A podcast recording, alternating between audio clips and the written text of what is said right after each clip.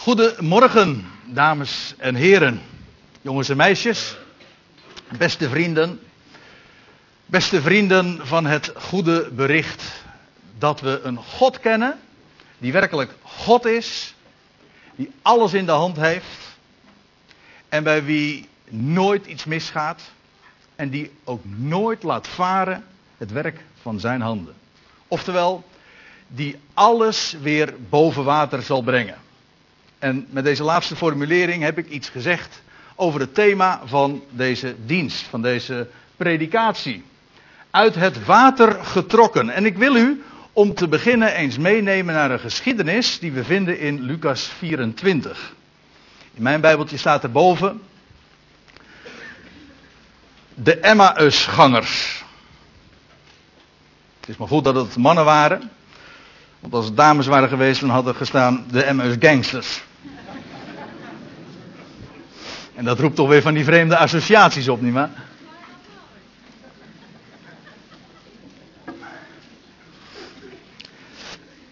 En wellicht kent u die geschiedenis.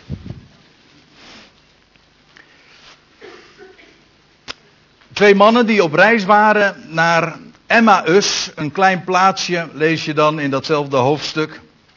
Van, ze waren op weg naar Emmaus, ze kwamen uit Jeruzalem.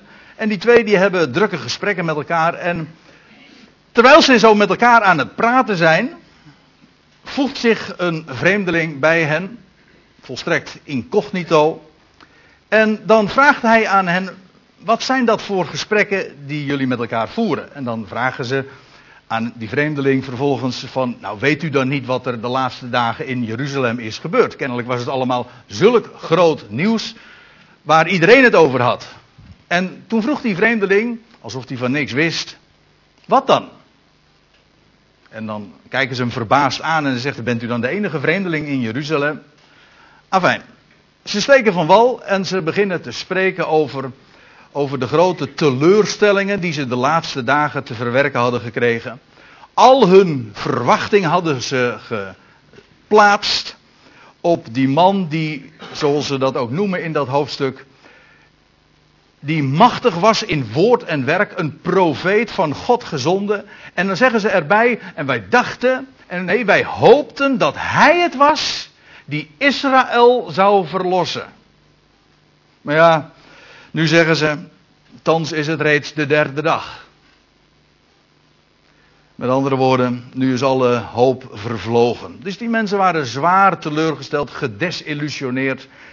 En Terwijl zij daar zo over spreken, gaat die vreemdeling het woord nemen. En dan zegt hij, en ik begin te lezen in vers 25. Hij zei tot hen, o onverstandige en tragen van hart. Dat gij niet gelooft alles wat de profeten gesproken hebben. Ze waren onverstandig, niet omdat er iets ontbrak aan hun intelligentie of zo, maar ze waren onverstandig omdat ze traag van hart waren. Om te geloven namelijk. Om er zonder meer van uit te gaan dat wat de profeten, wat al de profeten tevoren hadden gesproken. Dus ze geloofden wel een deel van wat de profeten hadden gesproken. Namelijk dat er ooit een Messias zou komen. En zij geloofden dat zij in die tijd leefden, en volstrekt terecht trouwens. Dat er een, een man zou komen die Israël zou verlossen. Ja, maar dat was een deel van de profeten. Een ander deel van de profetieën, die zeiden dat diezelfde man, die zou komen, de Messias, de Mashiach, zeggen de Hebreeën dan. Dat hij eerst zou lijden en sterven. En daar hadden ze een blinde vlek voor. En ze waren onverstandig. Dat was, uh, ze hadden geen, geen zicht op die dingen. Waarom eigenlijk? Wel, ze waren traag van hart. Om te geloven. Dat is het probleem altijd. Het probleem is, is niet intelligentie. Het probleem is dat we traag zijn van hart om te geloven alles wat er staat geschreven, zwart op wit. Oh, ik weet het wel, ze waren traag van hart. Je zou natuurlijk ook kunnen zeggen dat ze eigenlijk snel waren in het trekken van conclusies. Onterechte conclusies. Die twee gaan meestal gelijk op. We zijn, we zijn snel in het trekken van conclusies. Op grond van beperkt feitenmateriaal. Waardoor je dus ook verkeerde conclusies trekt. Maar dat is eigenlijk hetzelfde als dat je traag van hart bent om te geloven. Alles wat de profeten hebben gesproken. Afijn,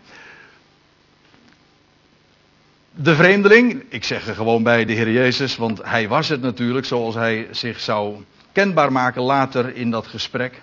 Moest de Christus dit niet lijden om in zijn heerlijkheid in te gaan? Moest, hoezo moest? Wel, de profeten hadden dat toch gezegd? Nou, en dan lees je dat hij, dat, dat gaat uitleggen. Dat moet een onwijs boeiend gesprek geweest zijn. Ik zou graag bij die Bijbelstudie, want dat was het feitelijk. Het was een, het was een wandeling die ze maakten van pakweg 10, 12 kilometer. Van Jeruzalem naar Emmaus. Nou, dan kun je in 2, 2,5 uur toch aardig wat vertellen. En hij heeft gesproken, want dan staat er, en hij begon bij Mozes en bij al de profeten en hij legde hun uit wat in al de schriften op hem betrekking had. En dat is heel veel, kan ik u vertellen. En hij legt het hun uit aan de hand van wat staat in de boeken van Mozes, want dat is de eerste betekenis waar we aan denken. En wat al de profeten gesproken hebben. En hoe alles in de Hebreeuwse Bijbel, in wat wij het Oude Testament noemen, de Tenach, verwijst direct of indirect, dat wil zeggen in expliciete profetieën, voorzeggingen, maar ook in beelden, in typen, in illustraties en wat niet al, hoe dat alles verwijst naar Hem die zou komen. Maar je kunt nog wat meer inzoomen op, dat, op die zin bij Mozes, op die woorden bij Mozes. Want je zou natuurlijk ook kunnen verdedigen dat de Heer, Jezus dat uitlegt aan de hand inderdaad van de boeken van Mozes. Maar hij kan ook gedoeld hebben op de persoon van Mozes. Hoe Mozes al en zijn hele weg, de weg die hij gegaan is in het leven, verwijst, een, een heenwijzing is naar hem die zou komen, die Israël daadwerkelijk ook zou verlossen. Zoals Mozes ook de verlosser van Israël was. Die overigens ook eerst verworpen was door zijn broeders en dan verdwijnt uit het gezicht. Een hele lange tijd is hij gewoon ja, verdwenen. Totdat hij inderdaad zich weer aandient aan zijn volk. En dan leidt hij hen uit Egypte en hij brengt hen naar het beloofde land. Zie daar een prachtig plaatje van de Messias. Maar je kan er nog wat meer inzoomen. Namelijk dat hier gesproken wordt over de naam van Mozes. Je kunt denken aan de boeken van Mozes, je kunt denken aan de persoon van Mozes, maar je kunt zelfs denken aan de naam van Mozes. En dan wordt het helemaal interessant en dan zijn we precies ook waar ik vanmorgen wezen wil. Namelijk, wat betekent die naam? We hebben het zojuist gelezen. In de Exodus wordt dat uitgelegd. We lazen daar in Exodus 2, vers 10, dat de dochter van Farao die noemde hem Mozes. Want, zeiden zij, ik heb hem uit het water getrokken. Dat is wat de naam Mozes betekent. En als we dan eventjes teruggaan, dus naar die, die woorden die we vinden in Lucas 24, dan zou je het zelfs zo kunnen uitleggen. En hij begon hun uit te leggen, te beginnen bij Mozes, degene die uit het water getrokken is en al de profeten, hoe het allemaal betrekking had op hem. Ja. Maar weet u, wat ik eigenlijk wil zeggen is dit. Mozes, u kent de geschiedenis, de, en we hebben het zojuist voor een deel gelezen, maar Farao die had, die had geboden dat alle Hebreeuwse jongetjes die geboren werden, meteen na de geboorte in de Nijl geworpen zouden worden. Waardoor die Nijl eigenlijk één grote begraafplaats was geworden. Allemaal, allemaal jongetjes die daarin geworpen werden. En het, die, die Nijl was een, een, een afschuwelijk embleem van, van de dood daarmee geworden. Maar van de ouders van Mozes lezen we dat zij in geloof gehandeld hebben. Nee, we hebben het zojuist niet gelezen in Exodus 2. Maar later in het commentaar in Hebreeën lezen we het wel. Dat, dat de ouders van Mozes door geloof een biezenkistje hebben gemaakt. En dan staat er dat ze hem zo ook in de rivier in geloof gelegd hebben. En ik denk dat de ouders van Mozes, Amram en Jochebed, meer hebben geweten. Ze hebben het in geloof gedaan. Ze hebben vertrouwen gehad. En ik denk dat het ook alles te maken heeft met, met de wijze waarop ze hem inderdaad begraven hebben, bij wijze van spreken. Want ik zei al, het was eigenlijk één grote begraafplaats en ze legden hem in een kistje in het water. In de doodswateren, om zo te zeggen. Dat is wat er gebeurde. Maar weet u, het is heel interessant, dat woordje wat daar gebruikt wordt voor een kistje in Exodus 2, dat komen we alleen in dit hoofdstuk tegen. Maar we komen het ook heel wat keren tegen in het boek Genesis. Namelijk in Genesis 6 tot en met 9. En dat is in de geschiedenis van de ark van Noach. En dat is nou het lastige bij vertalen. Ik geef geen kritiek, maar ik wijs er wel op dat het van belang is om te zien het verband tussen die beiden. Want wij lezen twee verschillende woordjes in onze vertalingen, maar in het Hebreeuws is het exact hetzelfde woord. Het woord voor dat kistje is exact hetzelfde woord als het woord voor ark. Eigenlijk legden ze hem dus gewoon in een ark, om zo te zeggen. In een, een ark is trouwens ook niks anders dan een houten kist. Ze legden, ze legden hem in een kistje in de Nijl. Als ware het dat ze hem begroeven. Ja, maar dan weet je ook, en Amram en Jochebed hebben dat ook geweten, ze hebben immers in geloof gehandeld. Ze hebben geweten dat er op deze wijze verlossing juist tot stand komt. Want wat God doet, is redding geven uit de doodswater. Want wat was het eigenlijk, de geschiedenis in Genesis 6 tot en met 9? De geschiedenis van de zondvloed. Dat de hele bewoonde wereld onder water kwam te lopen. En, en eigenlijk die hele, de hele wereld, het hele wateroppervlak, was eigenlijk ook toen in die dagen één grote begraafplaats. Waar, alle, waar al het leven in begraven is. Al het leven kwam om in, in de doodswateren van de zondvloed. Maar God gaf redding. Door middel van de ark. Door middel van die houten kist. En hij trok als het ware uit het water acht zielen. Want met, met alle beesten natuurlijk die ook nog in die ark waren. Maar acht zielen lees je. Dat wat overgebleven is van de mensheid. Die ark was een uitbeelding van redding. Redding uit de doodswateren. In feite een beeld van leven uit de dood. Want dat is het. Getrokken worden uit het water. Dat is niks anders dan een beeld van God die redt uit de dood. God die op een wonderbaarlijke wijze doet voortleven. Daar waar de mens aan, zijn, aan het eind van zijn Latijn is. Daar waar de mens niet verder kan. Dat is immers wat de dood is. En wie je ook bent. De dood is, discrimineert niet. Hè? Wie je ook bent. En wat je capaciteit ook zijn, wat je intelligentie ook is, wat je ook bereikt hebt in het leven, maar een mens gaat dood. We zijn stervelingen. Ja, maar de Bijbelse boodschap is nu juist dat God begint daar waar de mens eindigt. Ons plafond, dat is zijn vloer. Hij begint daar waar wij niet verder kunnen. En wat ik vanmorgen wil vertellen. En ik vertel heel wat, want ik ga zo kriskras door de Bijbel.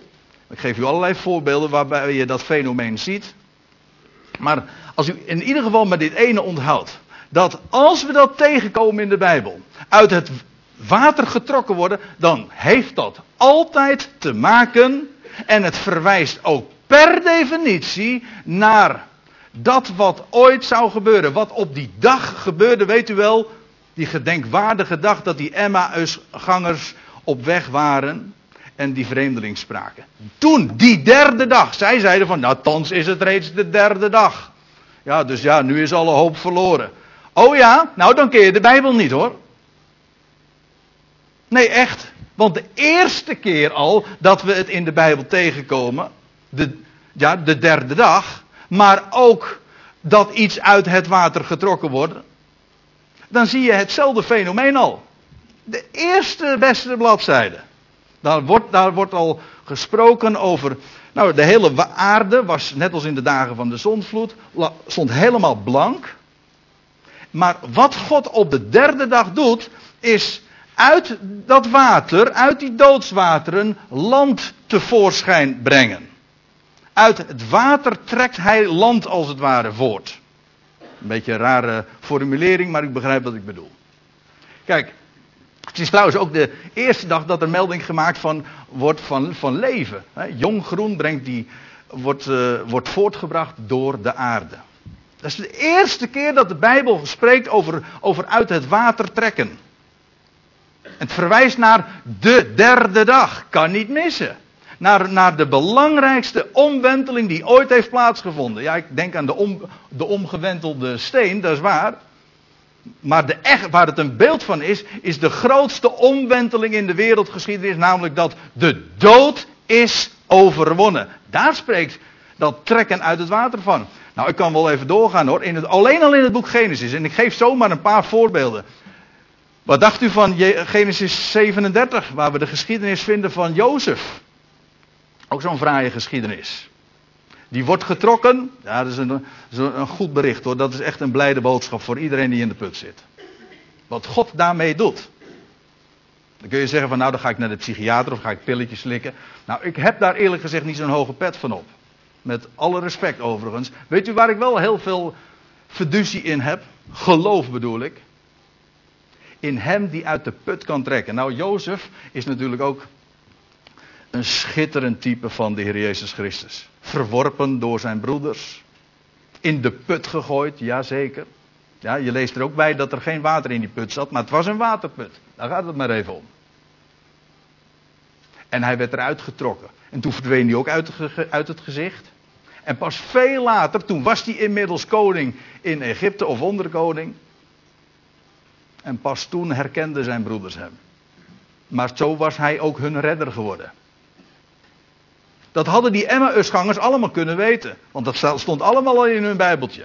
God trekt uit het water. En Mozes spreekt daarvan. De boeken van Mozes spreken ervan. Ik geef nu zo al een paar voorbeelden. In Genesis 1 begint het al. Genesis 37 en ik sla er ongetwijfeld nog wel een paar over. Maar wat dacht u nog van een andere geschiedenis? Van Jona. Wat dacht u daarvan? Dat is dan weer de profeten die ook op de derde dag als het ware uit het water getrokken wordt. De vis spuwt hem uit. En het is niet mijn uitleg, maar u kunt het letterlijk zo nalezen in Matthäus 12, dat het spreekt van de Heer Jezus Christus, de Messias die zou komen en op de derde dag zou opstaan uit de doden. Getrokken uit het water, het spreekt van leven dat sterker is dan de dood overwinning op de dood. En daarmee heb je feitelijk de Bijbelse boodschap samengevat. Daar gaat het allemaal om. Om de levende God. Nog niet zo lang geleden, toen bracht ik mijn jongens uh, naar bed. En dan is het onze gewoonte om uh, nog een, een, dankgebed uit te spreken. En toen had ik kennelijk in mijn gebed uh, God aangesproken als de levende God. En daar wist dat vond Jagin maar een beetje raar, mijn jongste zoontje. En dan zegt hij, u zegt dat de levende God, u zegt dat wel vaak. Ik vind dat stom, zegt hij. Hij zegt, want waarom dan de levende God? Dan zeg ik altijd, als ik niet meteen een antwoord weet, dan zeg ik, dat is een goede vraag.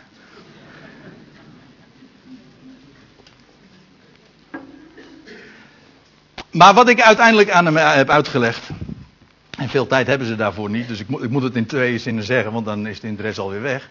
Daar gaat, het even niet om. Maar wat ik ze verteld heb, kijk, God is de levende God. Niet alleen maar omdat hij leeft, want, want hij, hij, hij bracht ook naar voren. Natuurlijk, eh, je gaat niet tegen een dode God praten. Het is heel begrijpelijk wat hij me voorwierp. Ik zeg, ja, maar waarom is hij de levende God? Nou, het staat in contrast sowieso met, met al die goden die stom en die dood zijn. En die mensen aanbidden, eh, goden die mensen zich maken. Nou, die goden leven niet. Wij hebben een God die leeft, dat wil zeggen, die ons bedacht heeft. Dode goden zijn goden die wij bedacht hebben. Dat is het grote verschil. Wij zijn bedenksels van die God.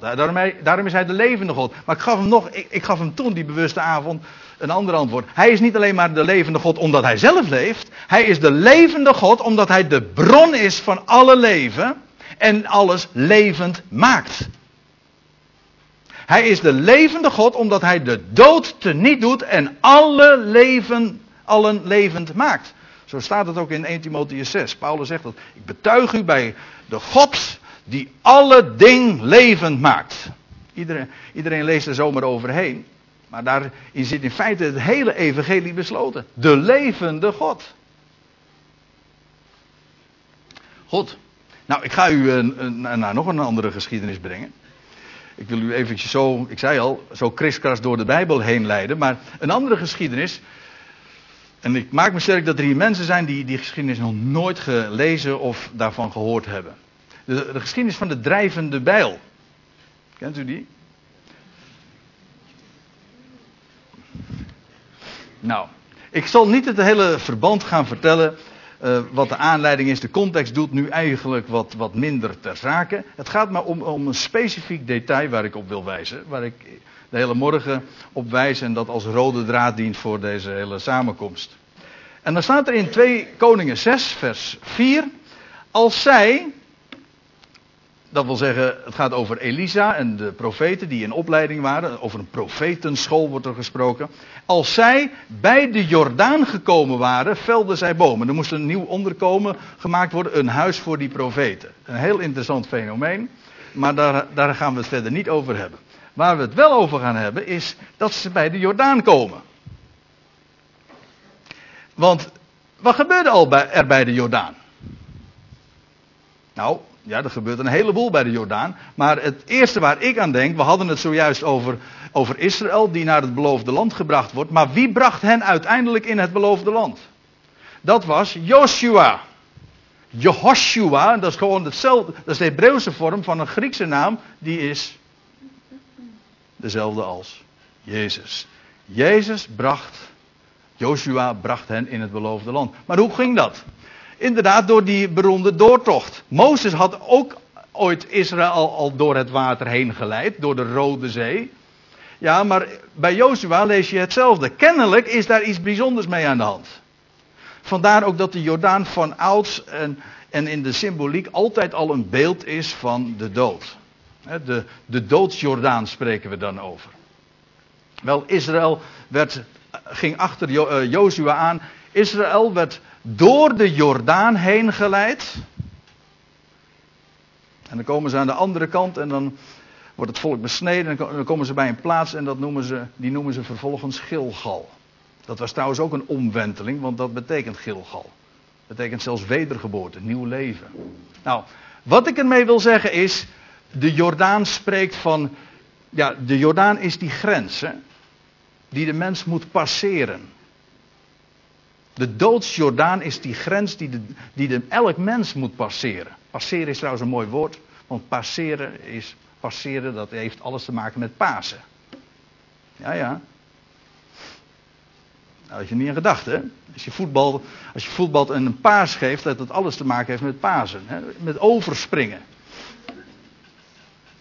Voorbij gaan. Iets voorbij trekken. Nou, in ieder geval, die, die Jordaan, die wordt die wordt gepasseerd, ja, onder leiding van Jozua. Maar ik noem zomaar wat, hè, want die, hier, hier lees je dus over Elisa en die profeet, die komen bij de Jordaan. Nou, dat is die rivier dus waar ooit de doortocht plaatsgevonden had. Trouwens, ooit was Elisa, Elia ook door de Jordaan getrokken, op een soortgelijke wijze. En Elisa trouwens ook.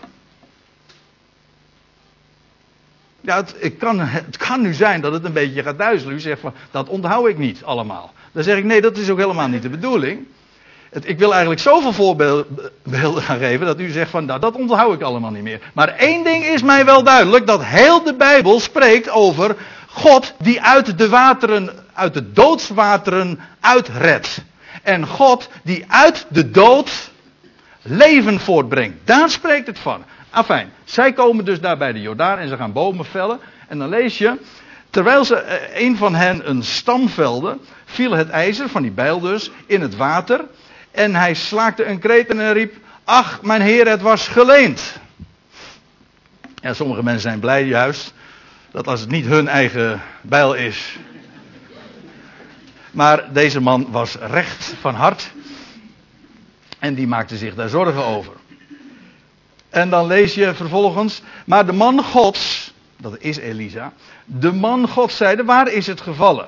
En toen, toen hij hem de plaats gewezen had, sneed hij een stuk hout af, wierp het daarheen en toen ben ik haast geneigd om te denken, toen werd het water gezond, maar nou zit ik weer een andere geschiedenis te denken.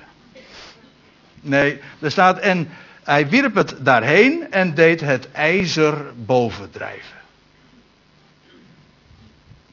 Dat is vreemd. Nou, wat ik in deze geschiedenis in ieder geval zie, ik ga niet in op de betekenis van een bijl en wat, wat, wat, wat, daar nou weer mee samenhangt. Ook hier, ik wil de draad vasthouden. Kijk, wat, waar het in feite om gaat. Oh, ik moet nog even lezen dat. Die bijl die kwam dus inderdaad bovendrijven. En dan, wordt, dan zegt Elisa: neem het op. En hij strekte zijn hand uit en hij greep het. Ja. Maar waar het om gaat, wat je in deze geschiedenis vindt. Het verlorene, dat wordt weer gevonden. Dat wat de eigenaar kwijt was, dat vindt hij weer. Dat het in de Jordaan was, spreekt daarbij boekdelen. Ik zit trouwens nog aan een, een ander uh, iemand te denken, was ook in de geschiedenis van Elisa. Die ook uit de Jordaan opkwam. Helemaal weer gezond. Ook uit het water getrokken. Maar hij was, hij was ten dode opgeschreven, maar hij had nu weer perspectief, levensperspectief, hoop. Hij was gezond, hij leefde. Afijn, die bijl die kon bovendrijven. Het verlorene, dat wat de eigenaar kwijt was, dat vindt hij weer. Dat is, toch een, dat is toch de schitterende samenvatting van de Bijbelse boodschap. Dat God dat wat hij kwijt is, weer vindt. Als het mij vraagt, gaat het in de hele Bijbel juist om die boodschap, om dat bericht. God is God. Dat wil zeggen, hij is het die alles een plek geeft, maar hij is het ook die zijn liefde bewijst voor zijn schepping. En al is het verloren, al is hij het kwijt, hij zoekt het. En sommige mensen houden dan punten. Zetten dan een punt. Zeggen van ja, de, de, de, de blijde boodschap komt eigenlijk hierop neer dat God zoveel van zijn schepping houdt. Hij zoekt het verlorene. Punt. Dat is zijn liefde. Ik heb het ooit een predikant zo horen zeggen. En ik heb hem toen er vervolgens op gewezen. Ik zeg nee, dat is niet de blijde boodschap. Ja, het is wel mooi, maar als je daar een punt zet, ik zeg dan is het niet compleet. De blijde boodschap is maar niet dat God het verlorene zoekt. Dat, dat bewijst wel zijn liefde, dat is waar. Maar het bewijst nog niet dat hij God is. Het, de blijde boodschap is dat God het verlorene zoekt totdat hij het gevonden heeft. En dat is de blijde boodschap. Hij vindt dat wat verloren was. Wel, je ziet dat in zo'n eenvoudige geschiedenis. Ik ga er niet dieper op in. Maar je ziet dat in zo'n geschiedenis van die bijl ook weer terugkomen. Dat het in de Jordaan was. Ik zei al, dat is veelzeggend genoeg. Ja, het was allemaal dankzij die man Gods. De man Gods. En ik hoop dat u daarbij even doordenkt. En het was ook nog dankzij het hout. Het hout. Dat het verlorene weer boven kwam drijven. Boven water kwam. Als het ware uit de doodswateren verrees. Nieuw leven. Opstanding. Pasen. Hoe je het ook maar zeggen wil. En als u zegt van, ik vind het wel heel erg vreemd hoor, dat, dat daar die bijl dan boven komt drijven. Maar dan zal ik u eens nog eens wat vertellen. Als je nou een beetje afzakt, daar bij Gilgal, daar waar dit plaatsvond. En je gaat nog eventjes verder de Jordaan af. Moet je echt flink afdalen. Jordaan betekent trouwens ook afdalen. Maar dan ga je echt afdalen, want dan kom je op het diepste plekje van de hele aarde terecht. Er is geen plek te vinden waar je zo diep, waar je zo ver beneden de zeespiegel je bevindt. En dan kom je bij de dode zee. De zee die niet voor niks dood heet. Het is de enige zee waarin totaal geen leven is. Geen plantaardig leven, geen visje zwemt er. Helemaal dood. Maar waarom is die dode zee zo bekend? Nou, om meer dan één reden. Het is geneeskrachtig. Hè? Daarom gaan mensen daar naartoe. Als ze huidproblemen hebben, gaan ze dikwijls naar de Dode Zee. Maar nu eventjes als toeristen. Waarom is de Dode Zee nou zo bekend? Er gaat straks een hele delegatie, als het goed is allemaal, over twee maanden gaat naar, naar Israël toe. Nou, ik weet, daar is ook een plekje ingeruimd in het programma om een bezoek te brengen aan de Dode Zee. Maar wat gebeurt er nou in die Dode Zee? Je komt bovendrijven. Wat je soortelijk gewicht ook is, hè, maar je. Ook, ook daarin discrimineert de dood niet. Of je dun bent of dik, of wie je ook bent. Je komt er weer bovendrijven. Denk daar eens over na. Wat dat betreft spreken die de wateren van de Jordaan, of de wateren van de Nijl, of de wateren van de Zondvloed. Het zijn allemaal doodswateren, maar die de zee is sowieso een doodswater. Dat weet iedereen. Ja, maar het gekke is, we noemen het de Dode Zee, maar het is de enige zee waar je niet in kan verdrinken eigenlijk. Ja. Maar je kunt erin in drijven, je komt daar weer in boven drijven. En dan kun, je, dan kun, je, natuurlijk een verhaal gaan houden. Ja, dat heeft te maken met het soort gewicht. En dan kun je natuurkundige wetten op loslaten. Dan zeg ik, vergeet het alsjeblieft weer. Ja, als je morgen daar een repetitie over hebt, dan moet je het even onthouden. Maar vergeet het dan alsjeblieft weer. Want de echte betekenis is natuurlijk dat de dood, dat wat het gevangen houdt, niet vast kan houden. En dat het los moet laten. T-Z-T. Met de Z, hoofdletter bedoel ik. Juist, te zijne tijd zal de dood inderdaad zijn prooi moeten loslaten. Dat wat de dood gevangen houdt, zal het prijsgeven en alles komt weer boven water. Dat is wat, dat is wat het uitbeeldt. Dat zie je in de hele Bijbel en zelfs als toerist kun je het dus nog gewoon beleven. Dat is een hele komische situatie natuurlijk. Nou, neem ik u nog mee naar een andere geschiedenis. De laatste. Ook zo'n eigenaardige geschiedenis. De, de vis in het muntstuk, dat is, dat is het Nieuwe Testament trouwens. Matthäus 17. Ook daar moet ik uh, de hele samenhang even laten voor wat het is. Maar het kwam erop neer. Jezus en zijn leerlingen worden er op aangesproken. Het wordt hen verweten dat ze geen tempelbelasting zouden betalen. Al of niet terecht was dat verwijt. Dat doet nu niet ter zake. Jezus geeft een antwoord. Maar dan zegt hij nog iets tegen Petrus. Die van beroep visser was, maar hij viste altijd met netten, maar nu moest hij het anders doen. Dan zei hij, ga gij naar de zee. Werp een vishaak uit. En de eerste vis die boven komt, grijp die. En wanneer je zijn bek open doet, zult je een zilverstuk vinden.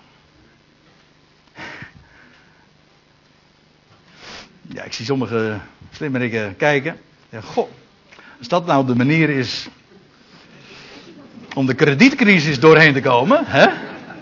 Ik ga visser worden. Nou, ik zou er toch een andere les uit willen trekken vanmorgen. En dat is deze. Wat we gezien hebben tot dusver, is dat alles weer boven water komt. En dat trekken uit het water, hier wordt iets uit het water getrokken, dat een beeld is van opstanding uit de doden. En wat ik hier zie, is dat de eerste vis die uit het water getrokken wordt, die betaalt de prijs. De losprijs is betaald. Meer dan genoeg voor deze hele wereld. Voor al die miljarden mensen. En ik ken iemand, en we hebben het er hele morgen al over gehad, die ooit op de derde dag verrees, als het ware uit het water getrokken werd. Maar hij is het inderdaad die de prijs betaalde. Hij is het met, bij wijze van spreken, met dat muntstuk. Hij is het die ervoor zorgt. Het is trouwens grappig, want je leest dat die belasting die betaald moest worden, dat was in werkelijkheid veel minder dan dat muntstuk. Het was, het was zelfs de dubbele waarde.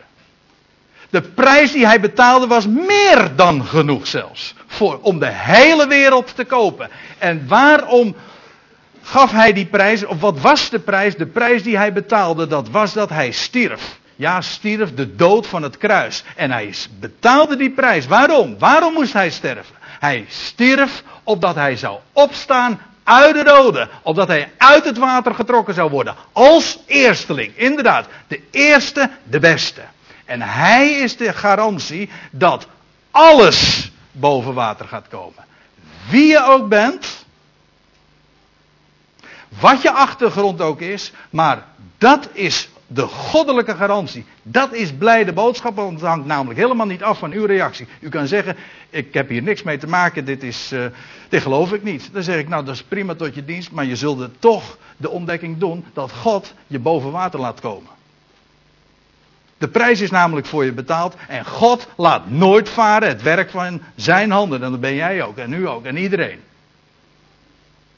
En dat is die blijde boodschap, de eerste vers. Inderdaad, die betaalt de prijs. De eersteling uit de doden. En ik stel voor dat we daar een mooi lied over gaan zingen. Dat gaat niet helemaal goed, geloof ik.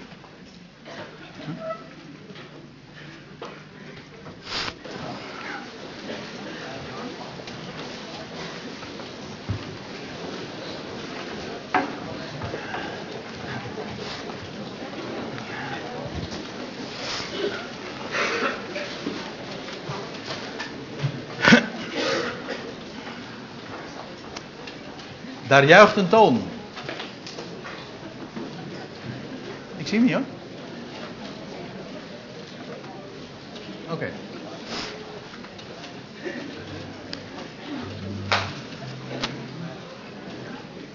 Wat zouden we anders doen dan vanmorgen na zo'n overdenking een lied te zingen dat helemaal gaat over die derde dag. Daar juicht een toon, daar klinkt een stem.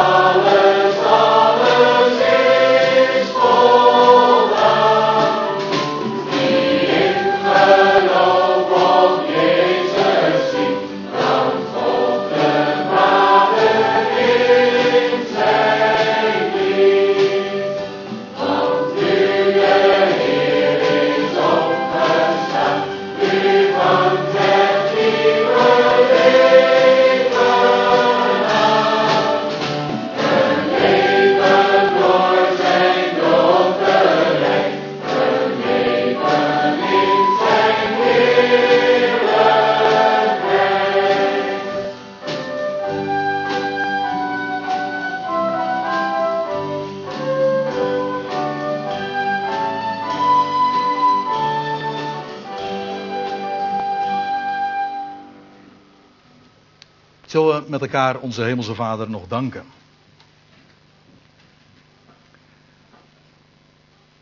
Wat een geweldig voorrecht hebt u ons ten deel laten vallen. Hemelse Vader, dat we bekend zijn geworden met zo'n machtig woord. En in dat woord is het niet moeilijk om de levende God te herkennen. Omdat alles wat u hebt gesproken inderdaad getuigt van leven. Niet alleen maar dat u de levende God bent, maar dat u ook de bron bent van alle leven en dat u de dood trotseert.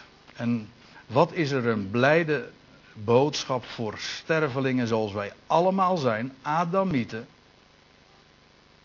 dan dat er iemand is die sterker is dan de dood. En die leven aan het licht heeft gebracht. Die inderdaad, zoals we zojuist gezongen hebben, alles heeft voldaan. De prijs heeft betaald. Maar ook de eersteling is uit de doden. En het graf leeg achterliet. Definitief. En wat een geweldige, grandioze toekomst hebt u nog voor ons in petto. We danken u, Heer, dat u ons roept en dat we vandaag deze boodschap mogen kennen en dat, we, dat u ons hart aangeraakt hebt en dat we verstaan mogen dat wat u, wat u gezegd hebt en wat u te zeggen hebt in uw woord. En ook dat is geen verdienste. U raakt ons hart aan. U opent ogen. U opent harten. U opent alles dat wat gesloten is. En Heer, we danken u dat we in uw woord een God mogen tegenkomen. Voor wie geen grenzen bestaan. Die inderdaad grenzen passeert. Een God die, voor wie ook niets onmogelijk is. En Heer, we danken u juist dat die wetenschap ons ook zo enorm veel hoop en geluk en blijdschap geeft. We zien op naar boven. We zijn opgewekte mensen, letterlijk en figuurlijk. We hebben nieuw leven ontvangen. We weten van nieuw leven. En we kennen een God voor wie niets onmogelijk is. En daarom, Heer, dat we zo in dat geluk en in het licht van dat leven, in dat levenslicht mogen wandelen. En Heer, we danken u dat we zo ook mensen bij u mogen aanbevelen die dat niet kennen. Mensen voor wie het misschien heel donker is. Om welke reden dan ook. Dat kan ook zoveel reden hebben. Maar u bent God. De levende God. En u bent een God van wonderen. En Heer, we danken u dat we het van u mogen verwachten. Alles mogen verwachten. Dat we niet alleen u danken voor wat u geeft en wat u belooft en wat u onvoorwaardelijk belooft en ook realiseren zult, maar we zien ook naar de persoon die dat alles teweeg brengt. En we aanbidden en we loven u. En we worden stil als we eraan denken dat we zo'n groot en machtig God mogen kennen. Heer, we danken u dat het evangelie werkelijk evangelie is. En dat alles weer boven water komt. En dat u niet vraagt om onze keuze of om onze werk of om iets van onszelf, maar dat u uw belofte realiseert. Heer, we danken u nogmaals uit de grond van ons hart dat we uit die blijdschap en uit zo'n bron mogen putten. Amen.